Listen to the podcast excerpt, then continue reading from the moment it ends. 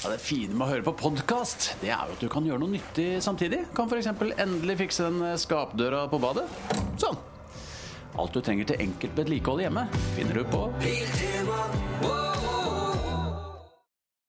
Hvis jeg hadde fått en hel kylling foran meg på kjøkkenbenken, så hadde jeg ikke hatt eh, peiling på hvordan jeg deler den opp eh, riktig. Altså det har gått i ferdig oppkutta lår eller bryst eh, hele livet. Hvor på grisen sitter steika? Vet ikke. Forskjellen på ytrefilet, mørbrad, entrecôte har ikke peiling, jeg bare vet at det smaker himmelsk, og at noen deler inneholder mer fett, og at det kommer ferdig pakka i eh, butikken. Det handler jo kanskje litt om at jeg ikke er spesielt eh, dreven på kjøkkenet, men det handler nok aller mest om at eh, de aller fleste av oss er blitt helt distanserte fra dyret vi spiser. Da. Kjøtt er blitt en ingrediens vi kjøper i butikken, og koblingen til det levende dyret er borte. Boka, som er utgangspunktet for den samtalen her, heter Hva vi spiser når vi spiser kjøtt, eh, og her er vi innom hvordan husdyrholdet i Norge blei industrialisert. Dyrevelferd snakker vi om, hvordan kjøtthandel har endra seg, fra hele dyreskrotter hos slakteren på hjørnet til ferdig oppkutta merkevarer i eh, dagligvarebutikken. Hvordan kjøttkonsumet har økt drastisk, men kunnskapen om dyrene vi spiser er på et eh, lavt nivå. Og I denne episoden snakker jeg med forfatterne Karen V. Lykke, professor i kulturhistorie, og Christian Bjørkdal, førsteamanuensis i retorikk og språklig kommunikasjon. Det, det henger jo også sammen med at vi har hatt en sånn supermarkedifisering i Norge som har gått lenger enn veldig mange andre steder.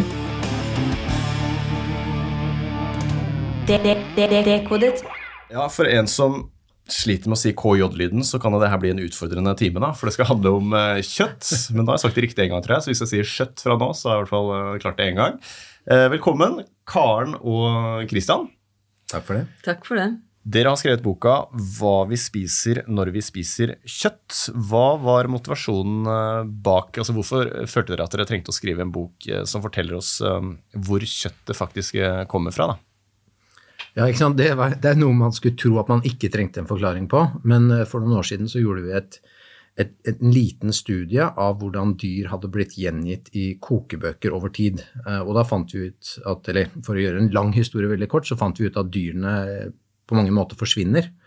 Sånn at Der du før hadde hatt avbildninger av hele dyr, halve dyr, liksom store, tydelige dyrestykker, Eh, så fikk du etter hvert bare kjøtt gjengitt mer som en ingrediens. ikke sant? Sånn at mm. folks møte med dyr i kokeboka eh, nærmest forsvant over tid. da. Og så ble vi vel oppfordret til å gjøre litt mer ut av det funnet, og så tenkte vi ja, vi kan skrive en bok om det. og Da gikk vi og så etter tilsvarende tilfeller da, på at denne forbindelsen mellom dyr og kjøtt um, blir brutt, eller at, eller at den koblingen ikke gjøres.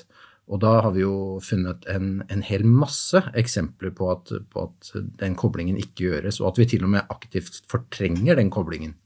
Ja, og det er vel ikke bare i kokebøkene at vi ikke lenger har nærhet til dyrene, det er også når vi går inn på supermarkedet eller i butikken, ikke sant. At, uh... Ja, det, det, er hele veien. Jeg tenkte jeg bare skulle legge til det Kristian sa, fordi uh, for mange år siden så gjorde vi også en ankett, altså et lite sånn pilotstudie, hvor vi intervjuet folk på gata hva, hva, kan dere om den maten eller det kjøttet dere spiser? Og det viste seg at folk virkelig kunne ingenting. De kunne mm. ikke forskjell på kylling og høne. De kunne ikke Altså de, de mm. kunne mm. veldig lite om uh, kjøtt.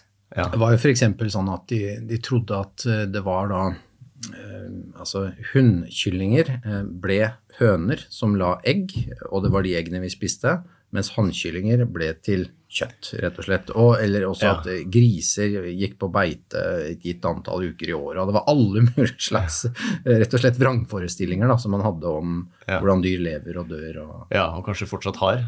Og Når er du ja. mista den kunnskapen der på veien? Er dette noe som skjedde snakker vi på 90-tallet, eller er dette et nytt fenomen hvor vi er så uvitende som vi er?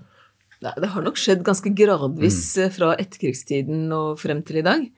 Uh, og, og, endringen har liksom funnet sted parallelt med velstandsutvikling uh, uh, og flukt fra landsbygda, og det at vi ikke lenger kjenner noen eller er i familie med noen som driver gård. Så vi ser ikke dyrene lenger på samme måte som det vi gjorde før.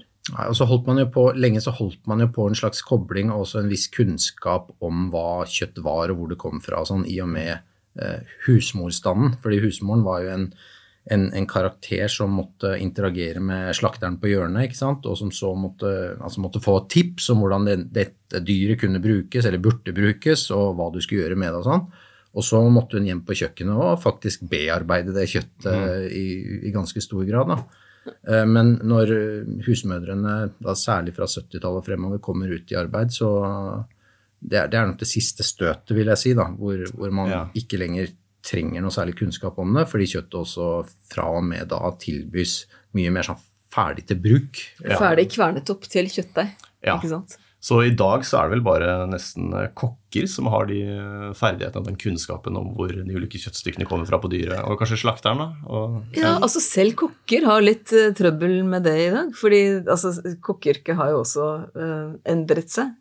Eh, og det, er, det å pakke opp plastpakket ferdigmat, det er noe som skjer på veldig mange storkjøkken også. Mm, vi, er, vi er jo inne på det faktisk eh, at, at på et tidspunkt, da begynner på 70-tallet, at storkjøkken etterspør mindre stykker kjøtt. Fordi det er så, det er så mye å bale med, det at du Ja. skal dele opp eh, de sånne svære kjøttstykker som du fikk før. ikke sant? Så de vil heller ha det ferdig, de òg. Ja. Og det verste er at det til og med på sett og vis gjelder de som driver med slakten. eh, Fordi de har jo i nyere tid, da, etter hvert som slakteriene har blitt mer eh, mekanisert, altså det er, det er jo som fabrikker egentlig, det er veldig mye teknisk utstyr, så er jo de mer sånn maskinoperatører enn de er eh, hva skal jeg si, bearbeidere, manuelle bearbeidere av, av kjøtt, altså rett og slett. ja. Så, så selv de mangler kunnskap som den samme standen hadde før, kan du si. Ikke sant? Ja.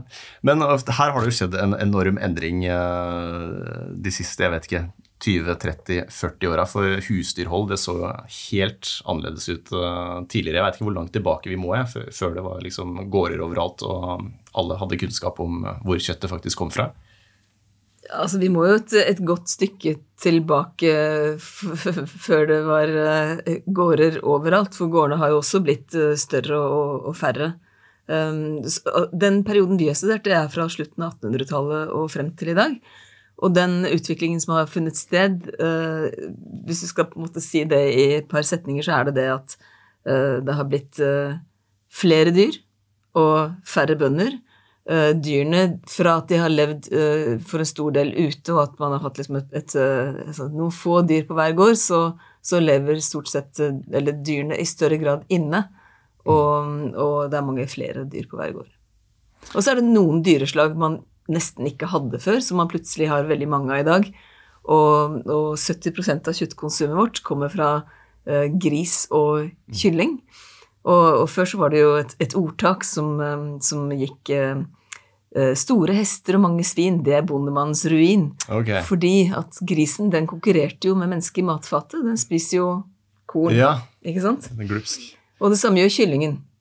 Og i dag er det disse to dyrene vi spiser mest av.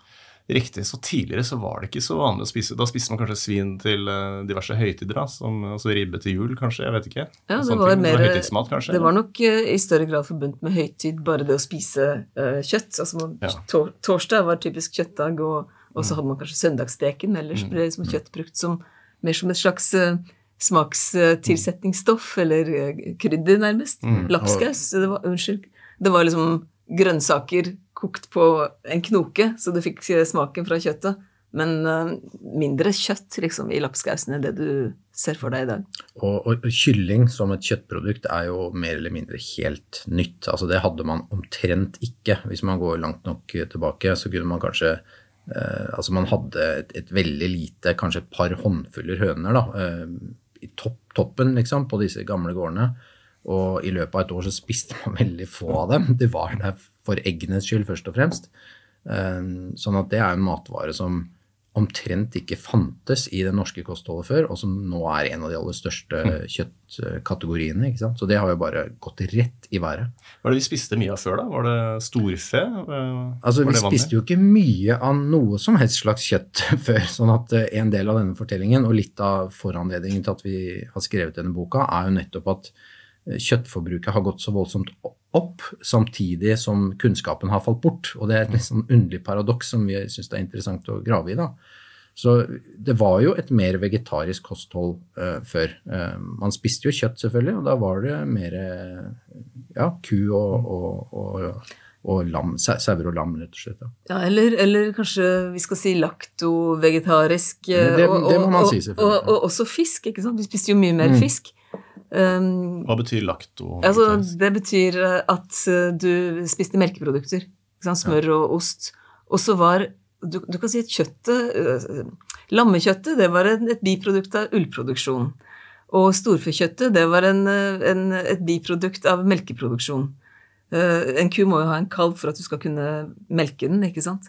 Så, så, så kjøttet har liksom endret seg fra å være noe som var i, i periferien av en tallerken, til å være i midten av tallerkenen i dag. Og vi har tredoblet kjøttkonsumet vårt, og så, har vi, sånn- så spiser vi samtidig bare en tredjedel så mange poteter som det vi eh, gjorde på samme periode. Så der har det vært et stort skifte, da. Denne industrialiseringen eh, og samlebåndsproduksjonen av, eh, av kjøtt, har det vært en sånn gradvis prosess, eller skjøt det fart på et eller annet tidspunkt, og hvorfor eh, skjedde det? Ja, det, begge deler er på sett og vis sant, for det er mange faktorer som har kommet på plass over tid som det er naturlig å se på som eh, betingelser sant, for at det skal skje.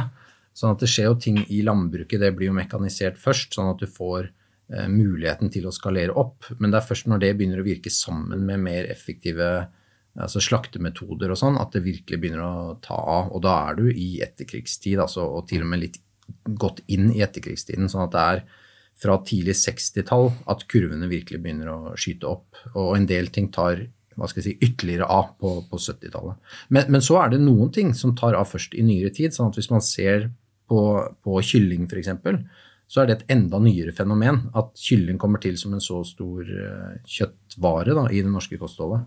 Så der, da snakker vi fra slutten av 80-tallet, egentlig, egentlig fra 90-tallet og frem til i dag, så har det vært en helt sånn hockeykøllegrafstigning på kyllingkjøttforbruket. Da. Og det er altså både med, med svin og kylling så er det knyttet til kraftfôrimport.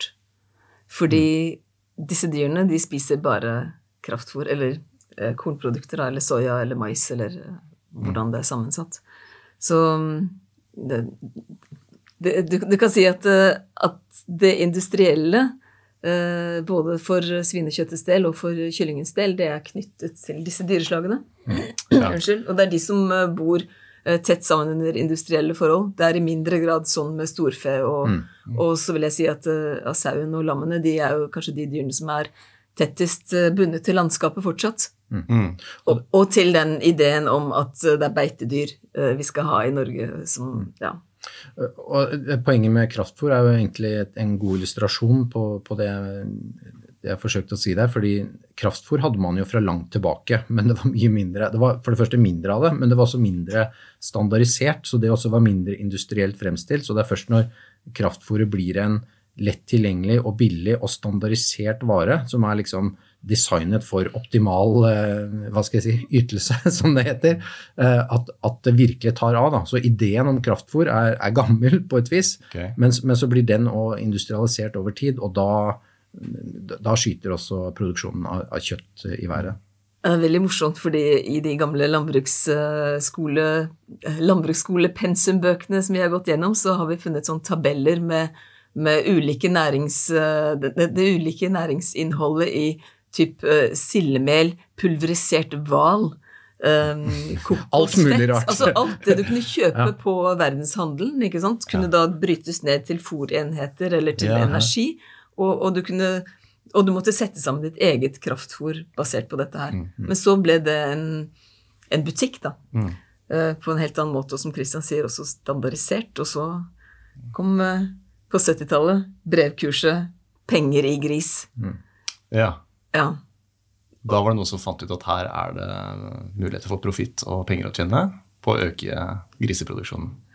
Det, det hadde, og det som Karen var inne på tidligere her, det, det hadde jo ikke slått folk. Eller egentlig hadde man argumentert i det, disse landbruksmiljøene aktivt for at det var ikke penger i gris. Ikke sant? Det å holde mange griser, det var bare noe skikkelig storbønder kunne gjøre. Det var ikke en god idé for den jevne bonde, liksom. Men så når man da får lett tilgang på billig og godt kraftfôr, så blir det å skalere opp eh, produksjonen av, av svinekjøtt et, eh, et mye mer realistisk scenario for mange flere, da. Og det blir en veldig viktig del av distriktspolitikken. For da de gårdene som er for små til at du kan leve av dem, øh, fordi de ikke har noe særlig jordvei. Eh, de kunne du da, da, da Man kunne da bli grisebonde. Og så kunne man bli bedriftsøkonom. Rett og slett bare input, output. Så lenge man hadde et visst eh, areal å spre grisemøkken på. Hvilke tiår er vi nå? Nå er vi på 70-tallet. Når vi er fortsatt på 70-tallet. Ja, ikke sant. Um, Eller 60-70-tallet. 60, Ja. 60-70-tallet. Um, og denne storstilte industrialiseringen uh, her, den har jo hatt mange konsekvenser. altså Både for norsk matkultur, men også dyrevelferd. da. Eh, kan vi ta litt om dyrevelferden? Uh, for den, sånn jeg har skjønt det, så står det ikke veldig bra til med den. Jeg, jeg tror vi må ta et lite forbehold der først, fordi det har jo vært det er riktig å si at det har vært en industrialisering av husdyrholdet også i Norge, men det er også riktig eh, at Norge ikke har Altså at forholdene i Norge fortsatt er relativt småskala til sammenligning med mange andre land. Også land som ligger tett på oss, f.eks. Danmark, har et veldig sånn altså gjennomindustrialisert eh, svineproduksjon særlig. da. Ok. Eh, Sånn at eh, det er i Norge relativt mange bønder fortsatt, eh, til sammenligning med en del andre land, hvor det å produsere kjøtt er liksom ren eh, fabrikkvirksomhet. Da. Mm. Og, og det ser man ikke i Norge. Men når det er sagt, så har man eh, også liksom tatt inn i det norske landbruket en del sånne eh, både en del måter å tenke på, men også en del måter å organisere husdyrholdet på, som er hentet fra de mer sånn gjennomindustrialiserte systemene. Da. Du kan, du kan kanskje, hvis jeg kan bare skyte inn der, så, så kan du kanskje uh, si det at eh, vi i Norge uh, bruker det industrielle apparatet, men nedskalert. Sånn at det er langt færre dyr i hver enhet. Uh, det er konsesjonsbegrensninger på 7500 verpehøns, f.eks., eh, i ett eh, hønsehus. Det er jo fortsatt ganske mange høner i, i et hus, men i USA så kan du liksom finne hønsehus med 7,5 Ja. millioner okay. høner? Og da, da snakker du en helt annen skala. Men, men for å komme til, fram mot et svar på spørsmålet om dyrevelferd, da, så er den, den viktigste overgangen, og det har vi sett på Vi går kanskje ikke så mye inn på det i boka, men i noen tidligere arbeider, så har vi sett særlig også på hvordan Jo, vi er i og for seg inne på det i boka, men på hvordan eh, Altså mer sånn eh, Diskursen i landbruksfaget endrer seg eh, for å liksom um, understøtte at, uh, en annen idé om velferd. Så Før hadde man en idé om velferd uh, både for gris og høne, som vi har sett særlig tett på, eh, som gikk ut på at dyra måtte for, for det første komme ut, få frisk luft og sol og, og sånn, og de måtte også få røre seg. Eh, og Den underliggende tanken da er at dyrene skal få leve naturlig liv. De skal få utfolde seg. Da. Det er på en måte det viktigste premisset for den gamle ideen om dyrevelferd. Og så når man eh, industrialiserer og skalerer opp, så eh, er jo det ikke mulig lenger. Altså du kan ikke ha 7500 eh, kyllinger som utfolder seg, fordi da, det, har- det har du ikke plass til. for å si det sånn. Da må du ha enorme arealer. Det er helt urealistisk. Så da må du ha en annen idé om dyrevelferd. Som, eh, og, og det som skjer, er at du dreier det, for å gjøre en lang historie kort, så dreier du det fra et ideal om at dyret skal leve naturlig liv, til eh, at de skal leve sunne liv. At de skal være mest mulig fri for sykdom. Eh, og det er liksom den, den viktigste overgangen, da. Og, eh, så, så, jeg, og, så det er ikke så enkelt som å si at dyrevelferden har blitt dårligere. Det er bare at dyrevelferd har blitt noe litt annet enn det var, kan du si. Og, Ja, altså, og når, når man da legger vekt på sunnhet, og, og det må man i et sånn industrielt system, så kan man ikke legge noen nevneverdig vekt på naturlig utfoldelse og, og instinkter og den type ting. fordi det, det må vi eh, det, det- det må vi legge lokk på, på en måte, fordi hvis ikke så lar ikke et, et så tallrikt eh, så tallrike besetninger, det funker ikke da. Og hvis vi går tilbake til eh, disse landbruksskolebøkene igjen, hva bøndene lærte seg på, på ja, 30-, 40-, 50-tallet, så var det fortsatt det at grisen måtte gå ute, man måtte sørge for at den fikk skygge, eh, man kunne gjerne plante til et spesielt område hvor den kunne gå og rote, fordi det var veldig viktig for den, og man måtte passe på å gi den eh, vask i lunkent såpevann. Og, og man skulle sitte ved siden av purka når hun fødet, og plukke opp eh, grisungene én og én i en liten kurv. Altså, det høres jo idyllisk uh, ut. Eh, og, og så kommer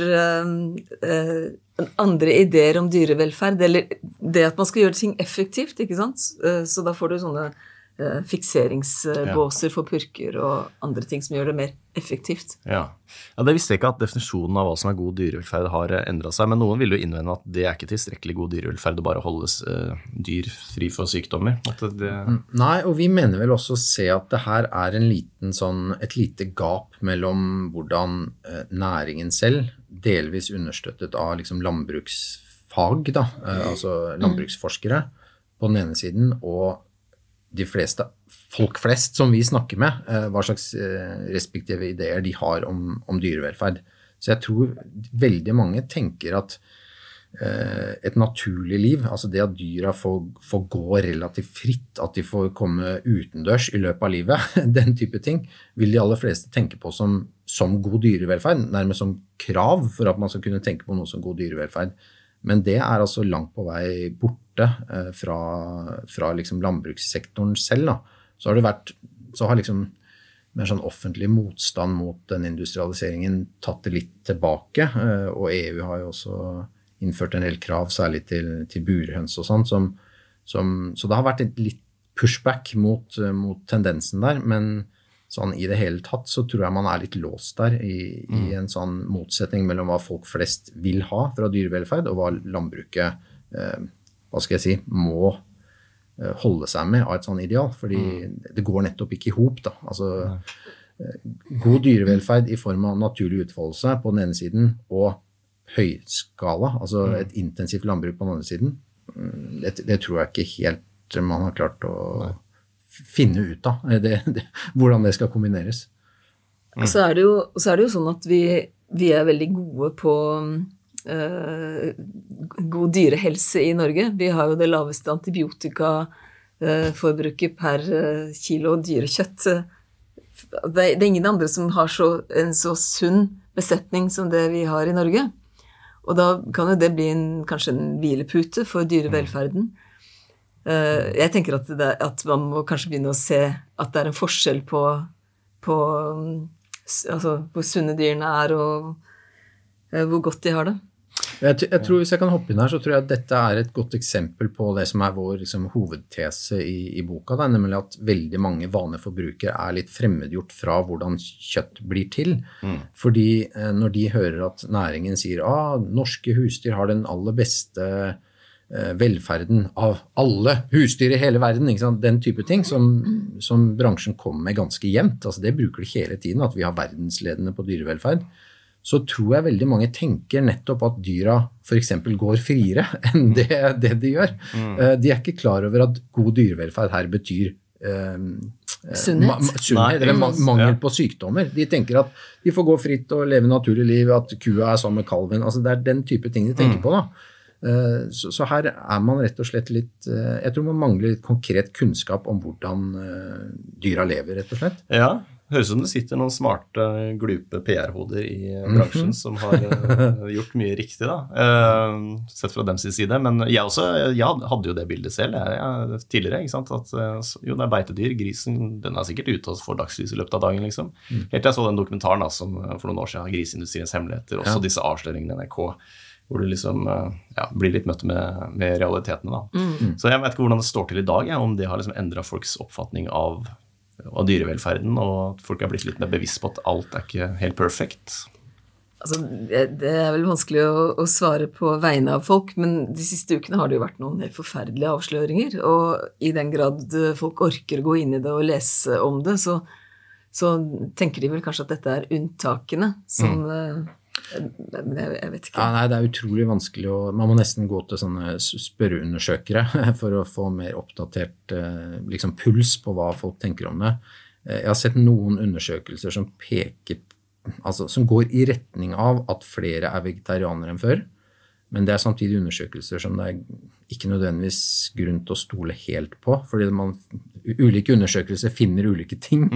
Eh, og dessuten er det en tendens til at eh, mange unge særlig blir vegetarianere i en periode, og så går de tilbake til å spise kjøtt senere, særlig når de får barn og sånn. Så akkurat om det er en tendens i retning av at, at, eh, at folk har fått mer kunnskap, det er utrolig vanskelig å si noe helt bestemt om. Ja, Eh, og så vet man jo disse avsløringene, det har vi så vidt inne på i boka, disse avsløringene som har vært, sant, disse dokumentarene bakom dokumentarene og sånn. Eh, skulle man jo tro at, at gjorde liksom et, eh, et innhogg i kjøttforbruket. da, At folk endrer praksis, at de lot seg sjokkere. Eller de, de lar seg åpenbart sjokkere på et eller annet nivå. Så man skulle jo tro at det innvirket på kjøttforbruket, men, men det har det ikke helt åpenbart gjort. altså. Nei. Det, har, det har vært det dypt de siste par årene, men f.eks. rett etterpå så gikk kjøttforbruket opp. sånn at det det, er mange faktorer i spill som bidrar til å styre hvor mye kjøtt vi spiser, ikke minst også pris.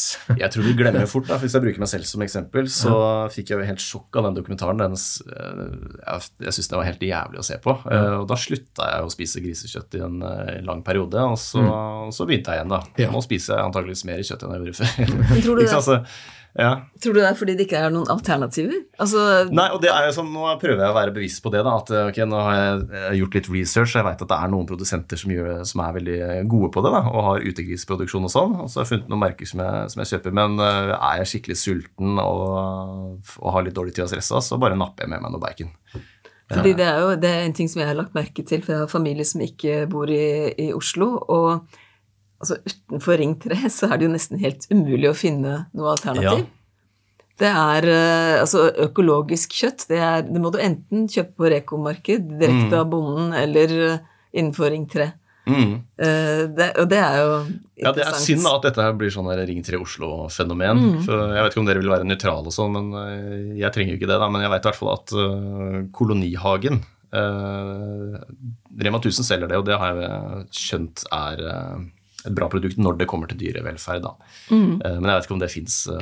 Ja, det, de, det tar de da ikke inn. Det er opp til hver kjøpmann å ta det inn eller ikke. ikke sant? Sånn at hvis du spør etter det i, i butikken mange nok ganger, så kan du kanskje få din kjøpmann til å ta det inn. Men Ikke det er ikke, altså de, de fleste Rema-butikkene har jo ikke alle produktlinjene. De har kanskje liksom brusen til Kolonihagen, men ikke nødvendigvis eh, skinken. Men så er det det, da. Hvis alle skulle bytte ut Gilde-bacon med Kolonihagen-bacon, så eh, funker jo ikke det heller. Nei, men, men det er jo e- En annen ting vi har vært opptatt i denne boka, er å se det ikke bare fra liksom en sånn produsentståsted eller et forbrukerståsted, men å se dem sammen. Og det er jo et viktig poeng eh, som ikke vi har kommet opp med, men når man forsøker å forstå seg på kjøttproduksjon og se eh, begge sidene av saken, eller alle sidene av saken litt samtidig, fordi det er et samvirke der, ikke sant. Sånn at hvis man eh, setter andre krav til dyrevelferd eller til kjøttproduksjon mer allment, så ser iallfall ikke jeg noen annen eh, løsning på det enn at vi alle spiser mindre kjøtt. eh, og at vi også er villige til å betale mer for det. Og det er et viktig poeng å legge til det andre der, fordi det liker bøndene å høre. ikke sant? For bøndene føler seg eh, med god grunn underbetalt. eh, og de syns at de selger kjøttet sitt for billig. Altså, vi intervjuer Ja. jo til og med bønder i, i boka som sier at, at de syns det er helt eh, nesten sånn skamfullt at de må produsere kjøtt så billig, og at det har blitt en sånn hverdagslig vare som ingen tenker over som, eh, som et dyr i det hele tatt. ikke sant? Som ingen setter pris på. Som, som ingen da setter ordentlig, bokstavelig talt, ingen setter ordentlig pris på. Så eh, mange bønder vil jo at kjøtt skal være dyrere. Ikke sant? Fordi, og, ikke, ikke bare, og det er ikke bare fordi at da kan de potensielt tjene mer. Det er avhengig av mange ting, da, at, at hver enkelt bonde skal få mer tilbake. Men det er heller ikke bare for at de da tjener mer, men også fordi det er å sette pris på hva slags vare dette egentlig er. Da. Det er eh, et levende vesen i utgangspunktet. Som de har brukt Og- mye tid og omsorg på å selge. Så- Og, så- og, og det er ikke noe man skal selge på billigsalg. Eh, Det er det er det faktisk mange som mener. Og det er vel eh, få som jobber hardere og mer enn bønder. Ikke sant? Ikke Så sant. Det, det er noe som ikke Ja. det er mye eh, som ikke henger på greip her. Ja, det er jo det, da. så En annen ting som kanskje kan kastes inn i miksen der, er at det er jo det er jo mange og ganske mektige organisasjoner i landbruket. eh, Og mange av dem hviler jo på bøndene selv, men man vet jo det, Man skal ikke liksom kikke veldig lenge på denne sektoren før man skjønner at det er en del gnisninger fra topp til bunn, hvis du skjønner hva jeg mener. Sånn at Ja. eh, Selv om en del av organisasjonene kan ha en policy om at eh, vi skal gjøre sånn og slik, så er ikke det alltid helt representativt for hva eh, hver enkelt bonde rundt omkring i landet mener. ikke sant? Ja. Mm. Sånn at det, det, er jo det er kampsaker her, altså. Og, og, og vår agenda har vært litt å si at det er riktig at det er kampsaker, men flere av oss bør engasjere oss i disse kampsakene. At det ikke blir liksom spørsmål kun for bønder, fordi kjøtt Mm. Ja. angår mange flere av oss. Ja, ja. Og kan vi også si at disse dyrevelferdsproblemene vi har snakka om nå, det, det er et øh, systemproblem. Men det handler ikke om enkeltbønder, for de er helt nødt, mange av de, til å drive på den måten for i det hele tatt kunne overleve da, og tjene penger. Så dette er systemproblem og ikke Det, det vil jeg mene, i hvert fall. Ja, jeg tenker også det. Og så har du selvfølgelig sånne forferdelige enkeltsaker eh, med, med bønder som har gått på en smell og latt eh, dyrene sulte i hjel på fjøset etc. Og eh, det er også kanskje et systemproblem, da, at, ikke det, at ikke sånt ble fanget opp eh, mye tidligere. Fordi ja, at de kan ha psykiske problemer. Ja, det ligger jo selv liksom- ondskap bak sånne tilfeller. ikke sant? Ikke sant? Det, er noe, det er noe underliggende det er der noe, det er noe mye større og mye vanskeligere som systemet burde plukket opp, Ja, ja, og som systemet dessverre ikke plukker opp. ikke sant. Det er jo lett å tenke at uh, alt var veldig mye bedre før. Uh, men var det egentlig det? Jeg vil si at, eh, at dyrene til en viss grad hadde bedre liv før. eh, Med unntak, hvis man har noe sånn hederlig unntak som at, eh, at man hadde sultefòring, f.eks., eller vedlikeholdsfòring av eh, kyr. Det var en vanlig del av landbruket. Hvis du går langt nok tilbake, og det var jo ikke spesielt gunstig, tenker jeg. Og, og så tenker jeg også at noen av de tingene vi har oppdaget i kildematerialet, sånn fra slutten av 1800-tallet og helt inn til begynnelsen av 1900-tallet, viser at, at særlig slaktingen kunne være ganske forferdelig før. Vi har funnet eh, i, I arkivene så har vi funnet sånne opptegnelser av uh, at uh, griser ble grisebanket, rett og slett. At de ble mødet. altså Da slo man dem med stokker og pinner og sånn før de ble vrakt til slakt. Eh, det, dette var noe, noe sånne hva skal jeg si, relikter etter ulike sånn riter som, som da fant sted på 1800-tallet. Kanskje fordi du hadde levd så nære med, med grisen, så måtte du omdanne den til eh, noe som var spiselig. Du måtte gjøre vennen din til fiende for å kunne liksom, takle det og, og skulle spise vennen din. Og bedøvelse hadde man jo ikke. Nei, det for å hadde ha man nevnt ikke, det. Ja. ikke sant? Og, og slaktemetodene var jo også på en sånn Ja, det, det kunne være ganske sånn eh, pinefull og langtrukken død. Skålling av levende dyr. Um, bløgging av dyret uten at uh, Altså at dyret blør i hjel. En form for halalslakt, uh, kan man si. Så jeg tenker at uh, måten dyr dør på i dag, den, uh, den er nok bedre. Og så kan man stille spørsmål til selve transporten, fordi det er jo mange dyr som må kjøre i timevis i, i trange lastebiler for å komme frem til eh, det stedet der de uh, slaktes. Og sånn var det ikke før. Det fant iallfall sted på gården. Ja, og så kan man jo kaste inn at vårt hva skal jeg si, viktigste anliggende her ikke er å si at ting var bedre før, eller at de for den saks skyld var verre før, men å si hva er det, altså hvordan har ting endret seg, og hva har det gjort med oss og vårt forhold til eh, både dyr mm. og kjøtt. Eh, og, og det det i korthet har gjort, er jo at vi har blitt mer fremmede for hele prosessen. Altså vi vet veldig mye mindre om den enn før eh, som, som har en enkel grunn, nemlig at mange færre har sett det. Altså det er veldig få som egentlig har sett et slakt eh, finne sted. Én slakt. Uh, mens det var jo ganske vanlig før, fordi slakt fant typisk sted rundt omkring på gårdene, og veldig mange bodde på gårder. eh, og selv om du ikke gjorde det, så kunne du også ha sett slakt i, i byen. sant? For midt i byen, i Oslo by, så lå det Kristiania, og så etter hvert Oslo, så lå det jo et svært slaktehus. og det hadde man også i andre store byer. ikke sant? Sånn at det å, det å se de dyrene vi spiser bli tatt livet av, det var noe veldig mange hadde en erfaring med før, men som omtrent ingen har noen erfaring med i dag. Ja, ja, for det er interessant, for det er ikke bare kjøttproduksjonen som har endra seg drastisk, det er også kjøtthandelen ikke sant? hva vi møter i, eh, i butikken. Det var slakteren på hjørnet, som du nevnte eh, tidligere. Definitivt. Når du gikk inn i en slaktebutikk før, så, så kunne du gjerne bli møtt av uh, halve slakt som hang langs veggene. Du kunne se grisehoder stå på, på benken, og syltelabber ligge i, i hyllen. Altså, det var liksom dyredeler på slakteren. Og så ble de omformet, omdannet av slakteren, uh, sånn at du kunne ta det med deg hjem og, og lage mat av det. Så da, I dag så har du små firkantede plastkonteinere med eller plastpakker med, med kjøttdeig. Så det er, Ja. det er et helt annet produkt. Og det, det der bortfallet av, av slakteren på hjørnet har jo Det er jo ikke unikt for Norge, men eh, selv om, mitt inntrykk, selv om vi ikke har gjort noen sånn veldig systematisk undersøkelse av det, er at det har gått veldig mye lenger her enn mange andre steder. Altså Det ser man jo hvis man bare drar litt nedover i Europa, så vil man jo fort se at, at de har eh, slakt, i hvert fall en eller annen type slaktebutikk. Eh, Ja, det er det er mye tettere mellom slaktebutikkene enn det er i Norge, og, som i sin tur henger sammen med at vi har en veldig sånn supermarkedifisering av, av Også i dagligvarebutikkene nede i Tyskland og sånn. Ikke sant? Så Ja, ja. ferskvaredisken her, så er det ofte Ikke sant? dyre- Ja. Og de spiser mye mer av dyret også. Mm. Ikke sant? Der har du en større eh, andel av befolkningen som fortsatt spiser innmat. Og, ja.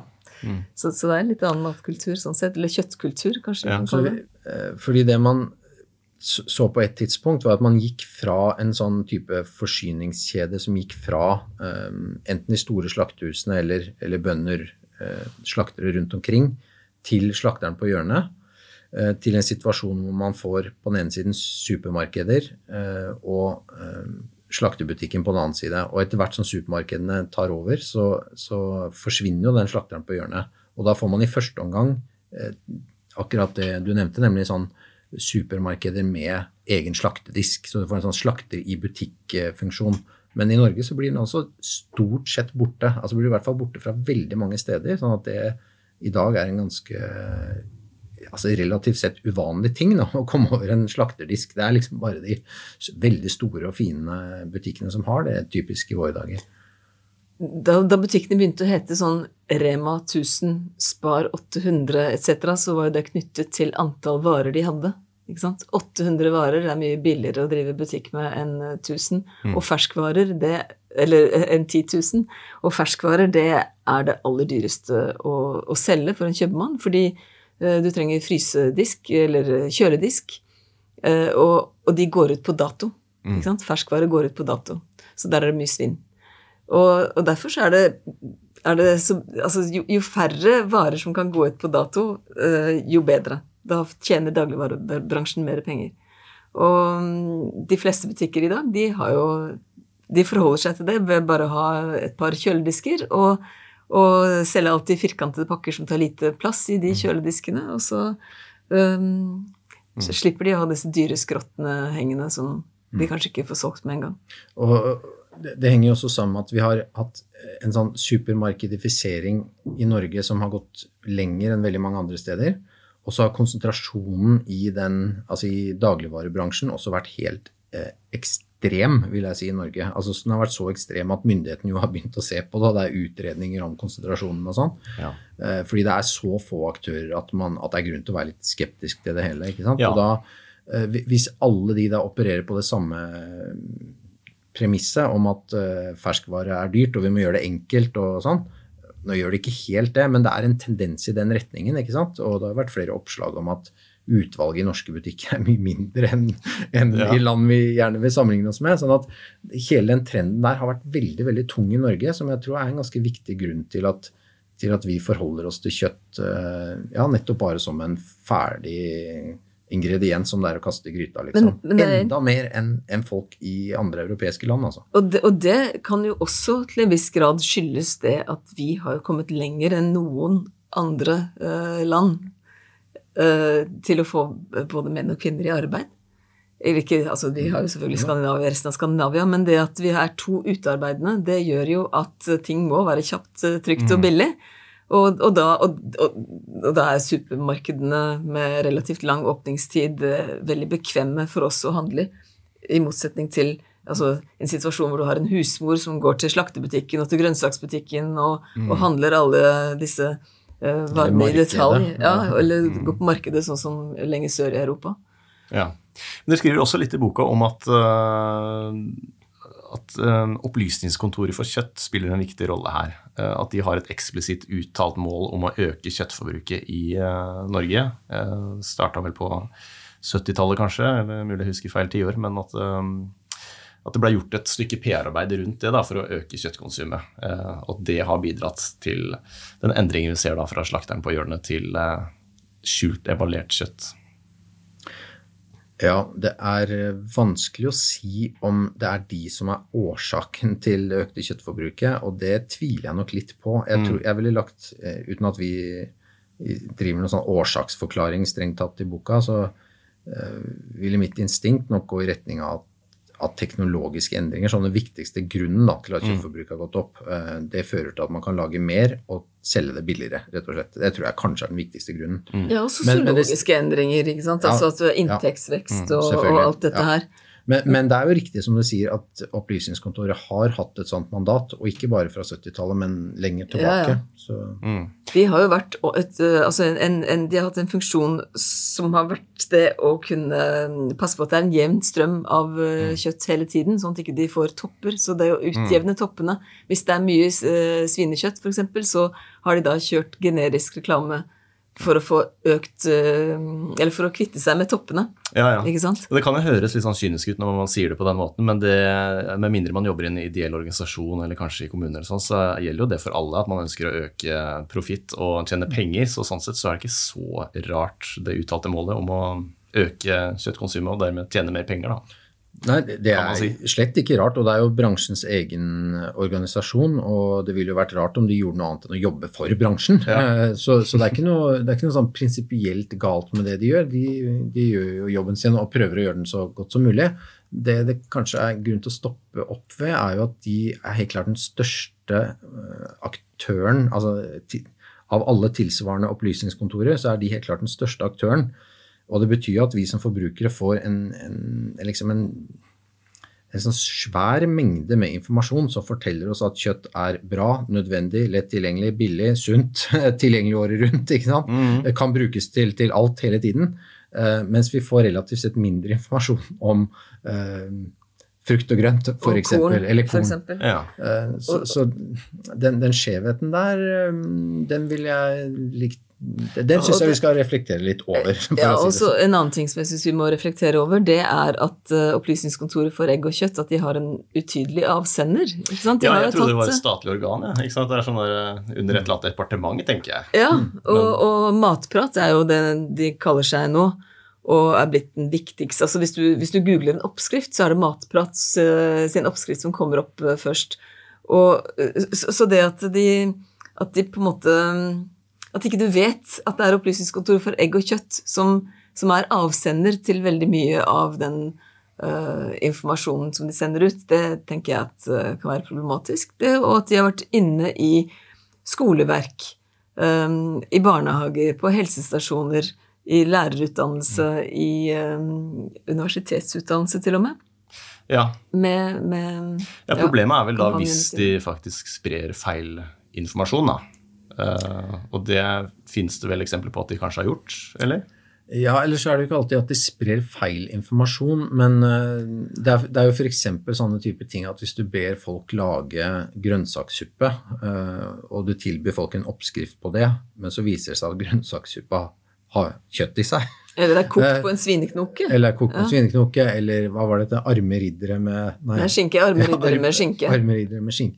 Sånn at det, det, det er ikke noe, Men- det er jo ikke noe det, det er ikke det er ikke noe galt med det, men det er åpenbart et tiltak som, eh, Men, som ja. er innrettet på å øke kjøttforbruket. Da. Eh, Men når det er sagt, Kristian, så må jeg skyte inn det Ja. at uh, det har vært en del feilinformasjon også. Særlig tenker jeg på den kampanjen hvor de uh, klarte å rebrande, eh, for å bruke et dårlig norsk ord, eh, svinekjøtt til å være det lyse, sunne kjøttet. Altså fordi da hadde man eh, fått Man begynte å anta at rødt kjøtt kanskje ikke var så sunt. Mm. og svinekjøtt, det er faktisk også i kategorien rødt kjøtt. Men da, da jobbet de veldig aktivt i en årrekke for å kalle det det lyse, sunne kjøttet ut mot forbruker. Sånn at eh, det finnes generasjoner av nordmenn som tror at svinekjøtt er eh, like sunt eller like uproblematisk å spise som kyllingkjøtt. tenker på det som hvitt kjøtt, rett og slett. Ja, så de, ikke de ikke bare la de ned mye ressurser i den kampanjen, men de lykkes òg.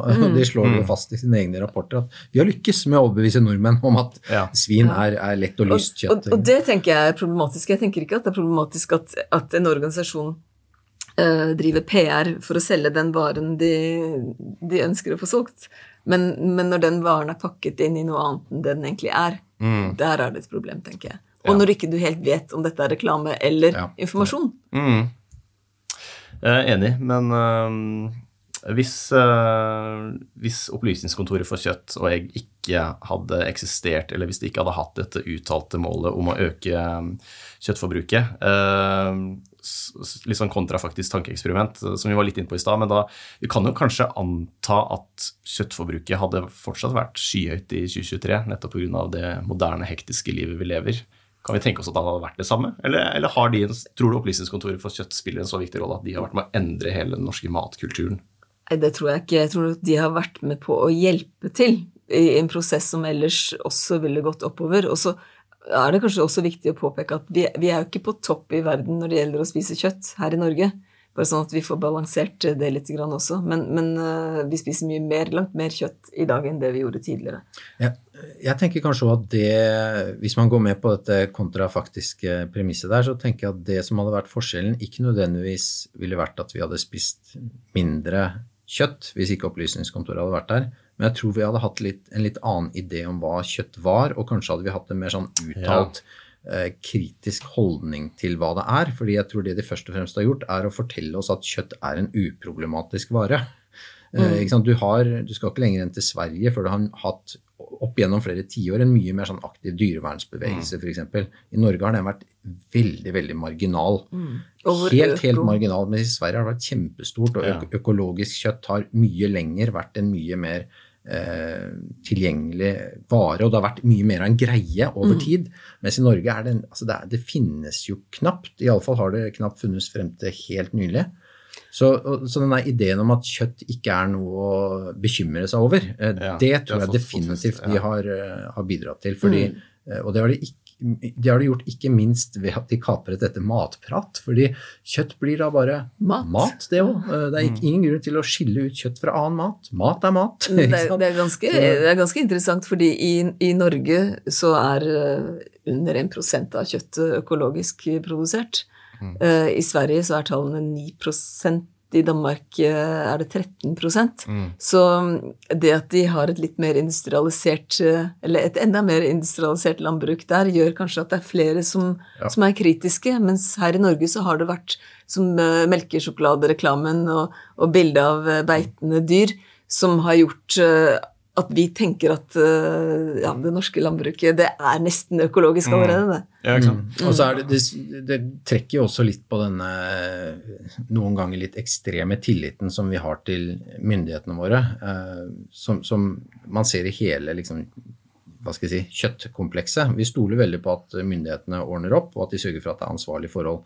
Og jeg tror Opplysningskontoret, nettopp fordi de i mange tilfeller fremstår litt som en offentlig etat. Ja, jeg trodde det. det fremstår som en offentlig størrelse, så kan de trekke litt på den tilliten. Ikke sant? At, mm. jeg tror de aller fleste stoler på det de finner på matprat.no.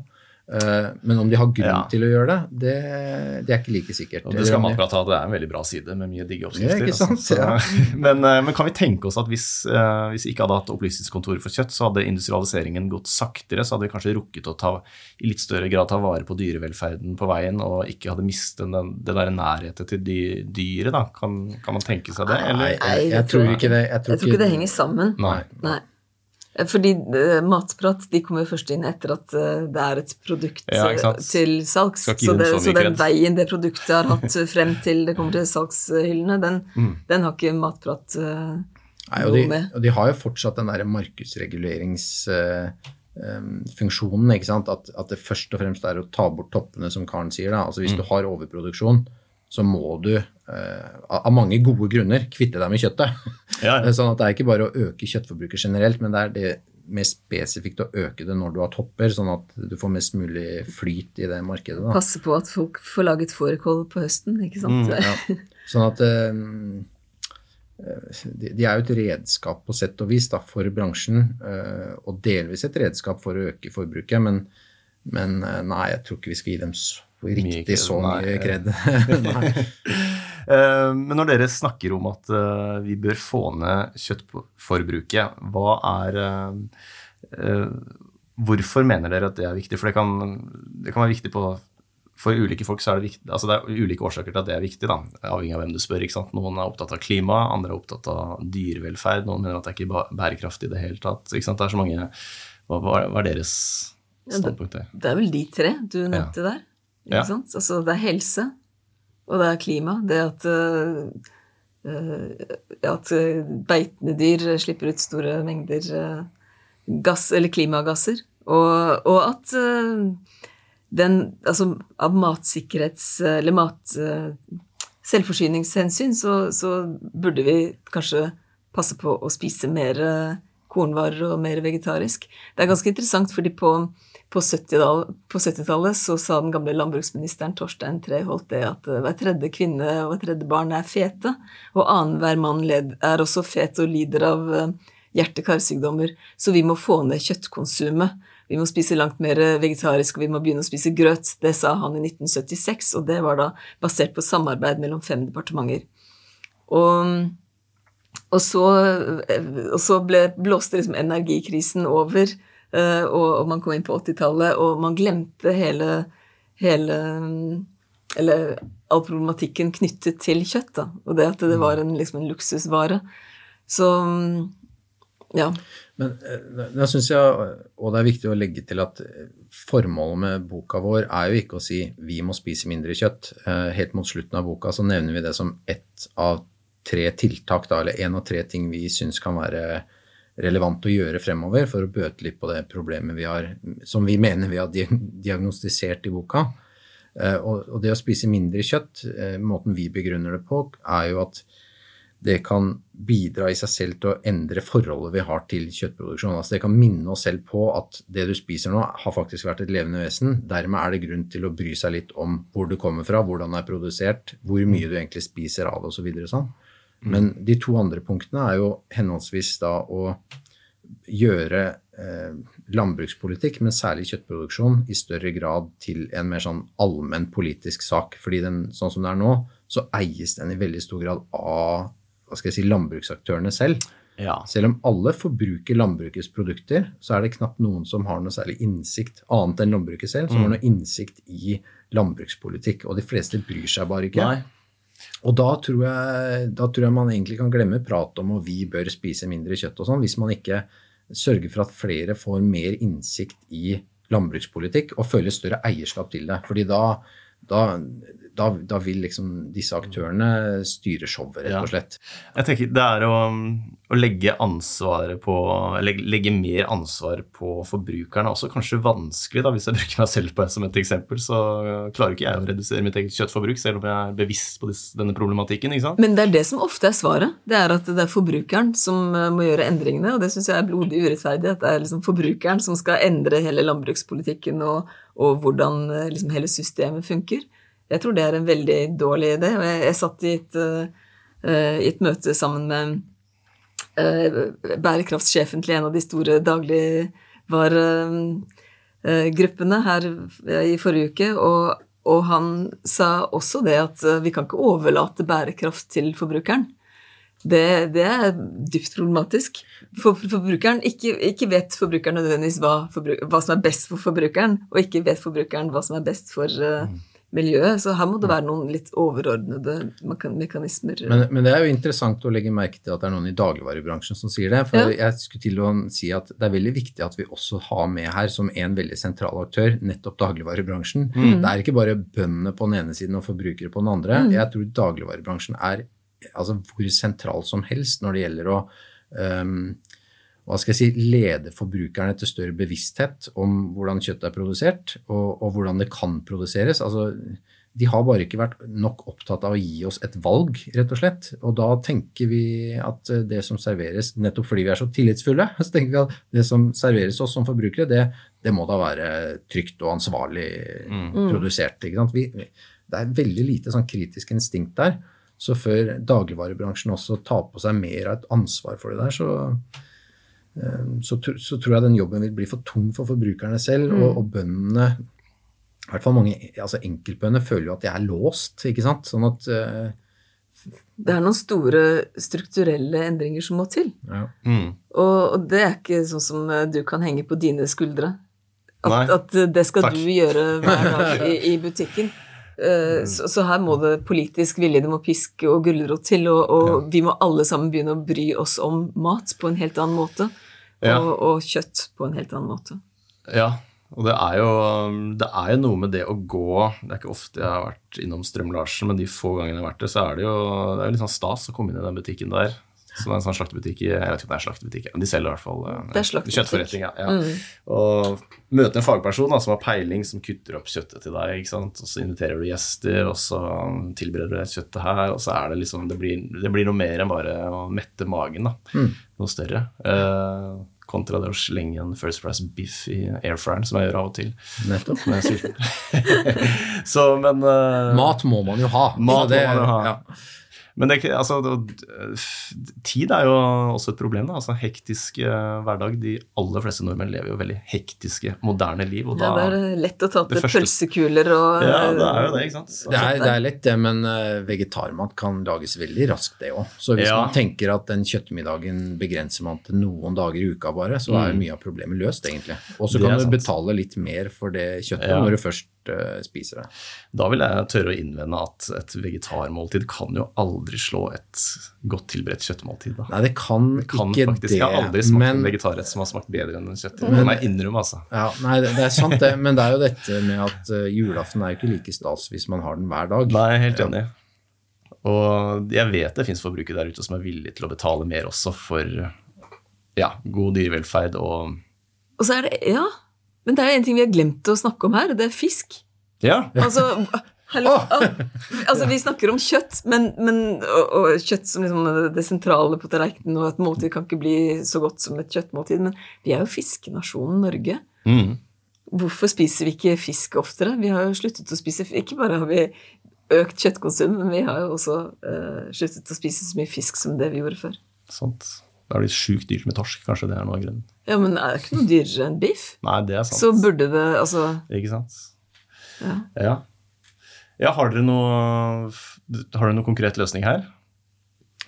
Jeg, tror, jeg ville sette mine penger nettopp på det, det første poenget som vi gjør i, i konklusjonen i boka, nemlig at flere må på banen når det gjelder å mene noe om hva, hvordan landbruket skal se ut, hvordan kjøtt, kjøttproduksjonen skal se ut. Vi må få et større eierskap til det.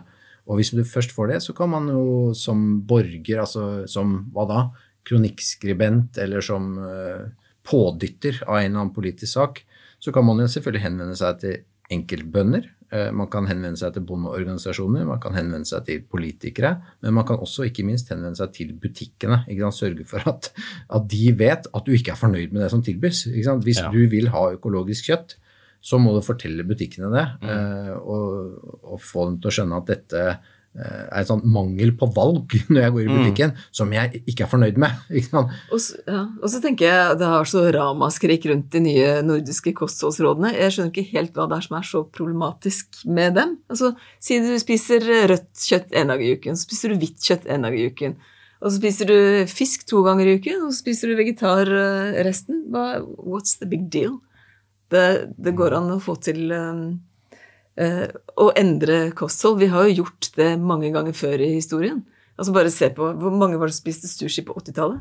Ingen. Mm. Og da, da har vi nevnt to av de tre løsningsforslagene vi kommer med, nemlig å større eierskap til, til kjøttproduksjon og landbruket generelt, og det å spise mindre, altså et mindre kjøttintensivt kosthold. Og det siste vi tar til orde for, er jo å drive mer av det arbeidet som vi har prøvd i denne boka, og som flere andre har drevet med i, i dokumentarer og andre bøker, nemlig å eksponere eh, hvordan kjøttproduksjon foregår, og gjøre folk kjent med det, rett og slett. Sånn at, at man sender tilbake litt av den kunnskapen som over tid har gått tapt. Ja.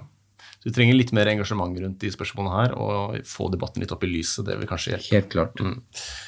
Boka heter 'Hva vi spiser når vi spiser eh, kjøtt'. Christian Bjørkdal, Karen V. Lykke. Tusen takk for praten. Jeg har lært masse i dag. Takk. Selv takk. Dekodet.